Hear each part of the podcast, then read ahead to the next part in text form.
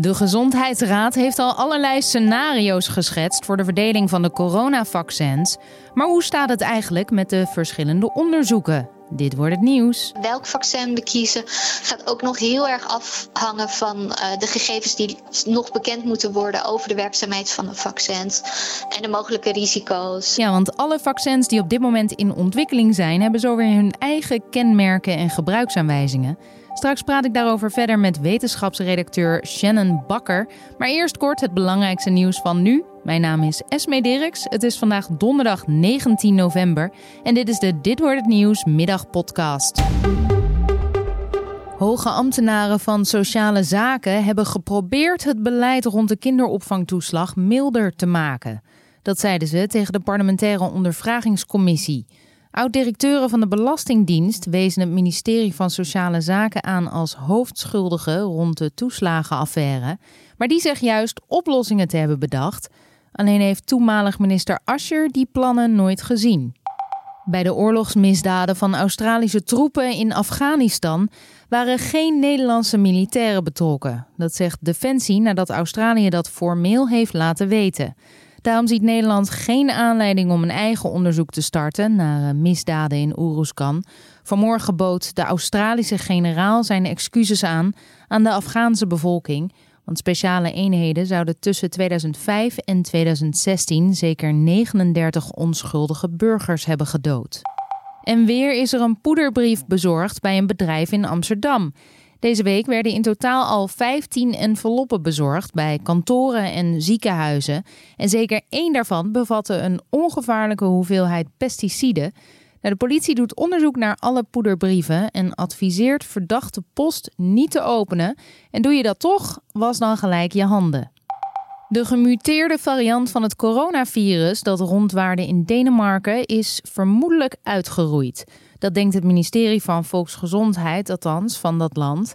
De mutatie ontstond bij Nertse fokkerijen en daarom werden alle 17 miljoen nertsen geruimd. Op 15 september werd het virus voor het laatst geconstateerd.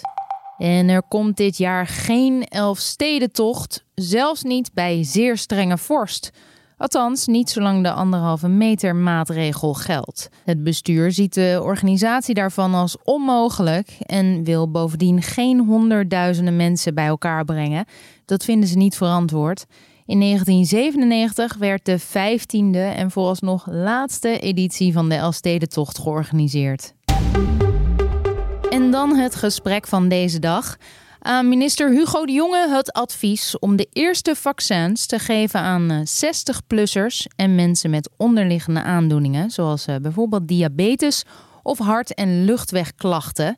Dat liet de Gezondheidsraad hem vandaag weten. En precies dat wil de minister ook gaan doen, want het zou helemaal aansluiten bij de huidige corona-aanpak van ons land. Maar ja, het hangt nog wel even af van het vaccin dat er gaat komen natuurlijk. Want hoe staat het daar nu mee? Daarover hoor je wetenschapsredacteur Shannon Bakker. De meeste onderzoeken uh, willen eind dit jaar, of zelfs de eerste is nu, nu binnen, uh, weten of het vaccin werkzaam is. Uh, en dan moet het vaccin natuurlijk nog worden goedgekeurd. dan zou het in theorie inderdaad maart al de eerste vaccinaties kunnen zijn. Maar of dat echt zo gaat zijn en of er geen andere hobbels in de weg zijn. Dat, dat durf ik nog niet met zekerheid te zeggen. Nee, dat moet nog blijken. Uh, Nederland wet op dit moment eigenlijk nog op meerdere paarden. Hè? Daarbij uh, zijn de ogen nu voornamelijk gericht op uh, Pfizer en Moderna. Kan je vertellen wat de status is van uh, beide onderzoeken? Pfizer en Moderna zitten nu allebei in de laatste onderzoeksfase. Pfizer heeft zelfs al gezegd dat ze eigenlijk een soort van het eindresultaat van hun studie hebben gehaald.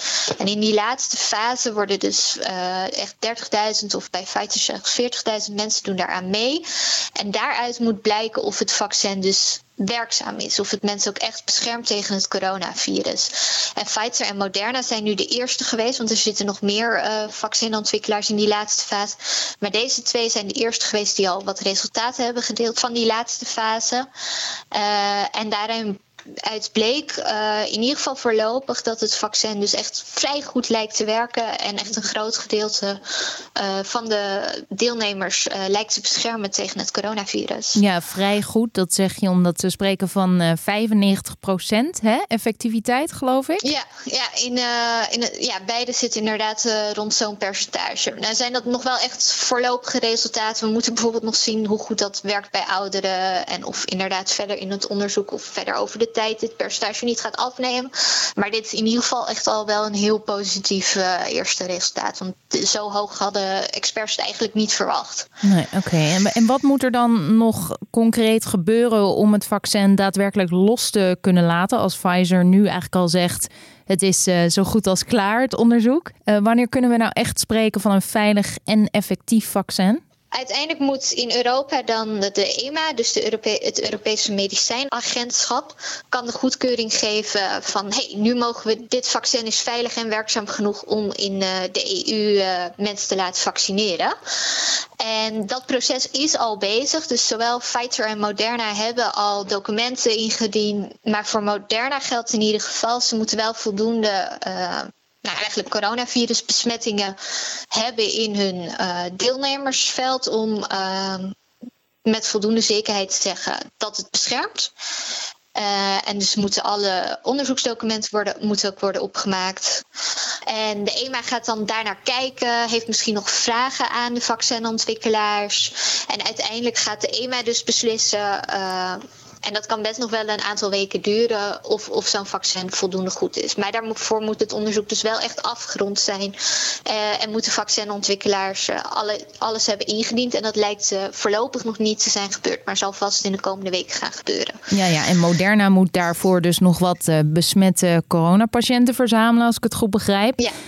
wellicht zal Pfizer dus als eerste een vaccin presenteren. Maar op welke van beide is eigenlijk de meeste hoop gevestigd? Want ja, zelfs als ze beide bestempeld worden als veilig en effectief, dan kleven er toch ook nog wel wat praktische voor- en nadelen aan. Um, deels gaat het dus aan de productiecapaciteit van die vaccinontwikkelaars liggen. Hoeveel vaccins kunnen zij in korte tijd uh, produceren? En, en hebben we er dan uh, genoeg om een beetje aanzienlijk deel van de bevolking in te enten? Uh, en daarnaast moeten beide vaccins, de een kouder dan de ander, maar flink koud worden bewaard, willen ze goed blijven. en dat kan logistiek ook nog wel een probleempje gaan vormen. Ja, want dat vaccin van Pfizer moet zelfs op min 85 graden worden bewaard. En, en ja, hoe transporteer je dat dan? Dat, dat moet allemaal op droog ijs. Klopt het wel dat die van Moderna in een gewone koelkast bewaard kan worden? Uh, volgens mij staat hij ook nog op de min 20. Dat is toch ook nog wel flink, flink koud. Oké. Okay. En uiteindelijk uh, stel ik me dan voor dat er een soort keuze moet worden gemaakt. Maar misschien is dat helemaal niet zo en kunnen ze gewoon allebei worden ingezet. Hoe zit dat? Ja, je hebt naast uh, Pfizer en Moderna natuurlijk nog, nog meer vaccins die, waarvan we ook echt wel verwachten dat de komende week of de, de weken daarna uh, ze ook nog resultaten gaan laten zien. Dus het gaat ook niet alleen om die twee. Mogelijk zijn er nog meer die straks zijn goedgekeurd. Uh, en dan ga je kijken welke zijn het meest effectief. Welke kunnen we inderdaad vervoeren.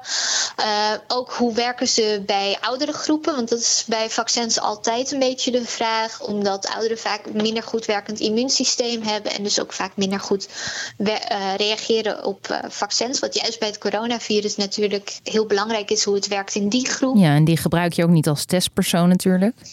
Nee, daarom. Dus daar zitten echt nog wel, dat hangt echt straks, dat zei de Gezondheidsraad vanmorgen in zijn advies ook, hoe uh, wat precies ook de vaccinatiestrategie, wie het als eerste gaat krijgen, welk vaccin we kiezen, gaat ook nog heel erg afhangen van uh, de gegevens die nog bekend moeten worden over de werkzaamheid van de vaccins en de mogelijke risico's uh, voor welke groep. Maar wat we dus ook nog niet weten van die vaccins, is alle, het vaccinonderzoek toont nu aan dat het ziekte voorkomt.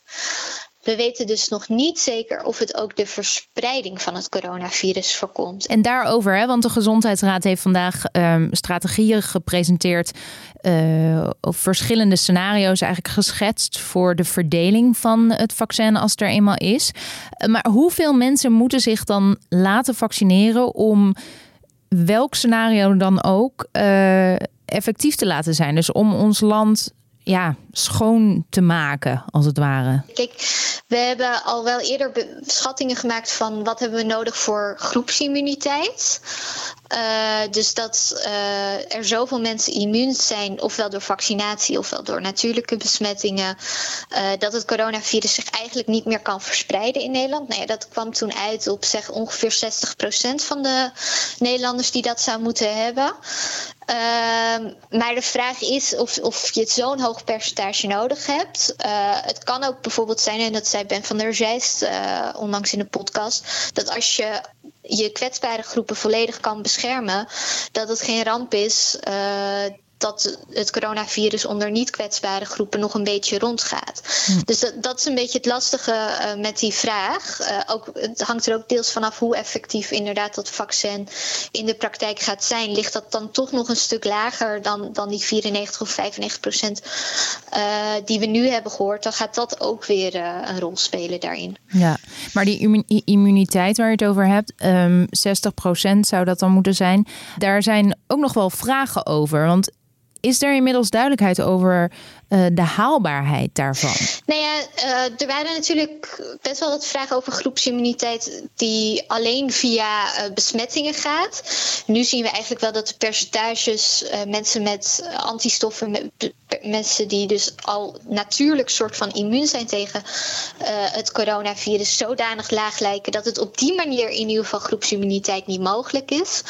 Maar groepsimmuniteit door vaccins, dat, dat is nog wel degelijk nog steeds een mogelijkheid. Maar welk percentage je dan precies moet hebben en hoe lang bijvoorbeeld zo'n vaccin uh, beschermend moet zijn en, en, gaat zijn, dat weten we allemaal nog niet. Nee, dus misschien dat het virus nog jaren rondwaart met of zonder vaccin en nou, dat het zoiets wordt zoals de, de jaarlijkse griepprik? Ja, dat, dat zou heel goed kunnen. Dat, dat bijvoorbeeld de risicogroepen, als het vaccin daar goed werkt, dat ze misschien jaarlijks een uh, prik moeten halen. Dat, dat is ook nog een optie. Ja, ja er, uh, er, zijn, er zijn natuurlijk sowieso wel zorgen over het draagvlak voor een prik. Hè. Mensen die principieel tegen vaccinatie zijn, maar ook mensen die twijfelen aan de veiligheid.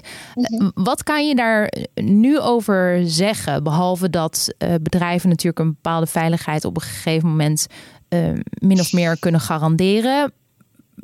Ja, de langetermijn effecten, dat moet natuurlijk nog maar blijken. Nee, dat, dat is in ieder geval wat, wat we niet kunnen. Wat we straks niet weten, zijn de zeer zeldzame bijwerkingen. Die dus bijvoorbeeld 1 op de 50.000 keer voorkomen. Want op zoveel mensen hebben we niet getest. En de, de bijwerking op de hele lange termijn. Maar op zich zijn dat problemen die we eigenlijk bij ieder vaccin, ook de HPV-vaccinatie en dergelijke, uh, altijd zien. Dat heeft weinig met de snelheid van ontwikkeling van dit coronavaccin uh, te maken. En wat we in ieder geval wel, uh, en daar heb ik ook al met bijvoorbeeld het college ter beoordeling van de geneesmiddelen over gesproken. De eisen die aan het coronavaccin door de EMA worden gesteld, zijn, zijn dezelfde als die aan ieder ander vaccin zou stellen. Dus het hele beoordelingsproces gaat wel sneller, omdat er meer mensen op worden gezet. Maar de criteria worden niet versoepeld voor een coronavaccin. Dus in die zin is het net zo veilig, of zal het uiteindelijk net zo veilig zijn als elk ander vaccin? En ja, de langetermijneffecten weten we dus nooit. Nee, kijk, van hele oude vaccins, als mazelenvaccin, kijk, die gebruiken we nu zo lang dat, dat we het daar wel kennen. Uh, maar bij introductie van een nieuw vaccin is dit altijd iets. Maar ja, ja tot nu toe leert, uh, hebben geen grove, uh, grote, veel voorkomende zeld, bijwerkingen gezien die iets later bij vaccins optreden. En kan je ook als, en dat zal ook de EMA ongetwijfeld doen, alvast wel een soort risico-inschatting maken van is het bij deze techniek waarschijnlijk dat er dit soort bijwerkingen gaan optreden. Dus daar wordt, wordt natuurlijk wel al naar gekeken. Wetenschapsredacteur Shannon Bakker van nu.nl over de potentiële vaccins en de veelbelovende varianten. Er is trouwens ook weer een nieuw medicijn gevonden voor coronapatiënten die op de intensive care belanden. Althans, het bestond al, maar het blijkt ervoor te zorgen dat patiënten minder lang aan de beademing hoeven.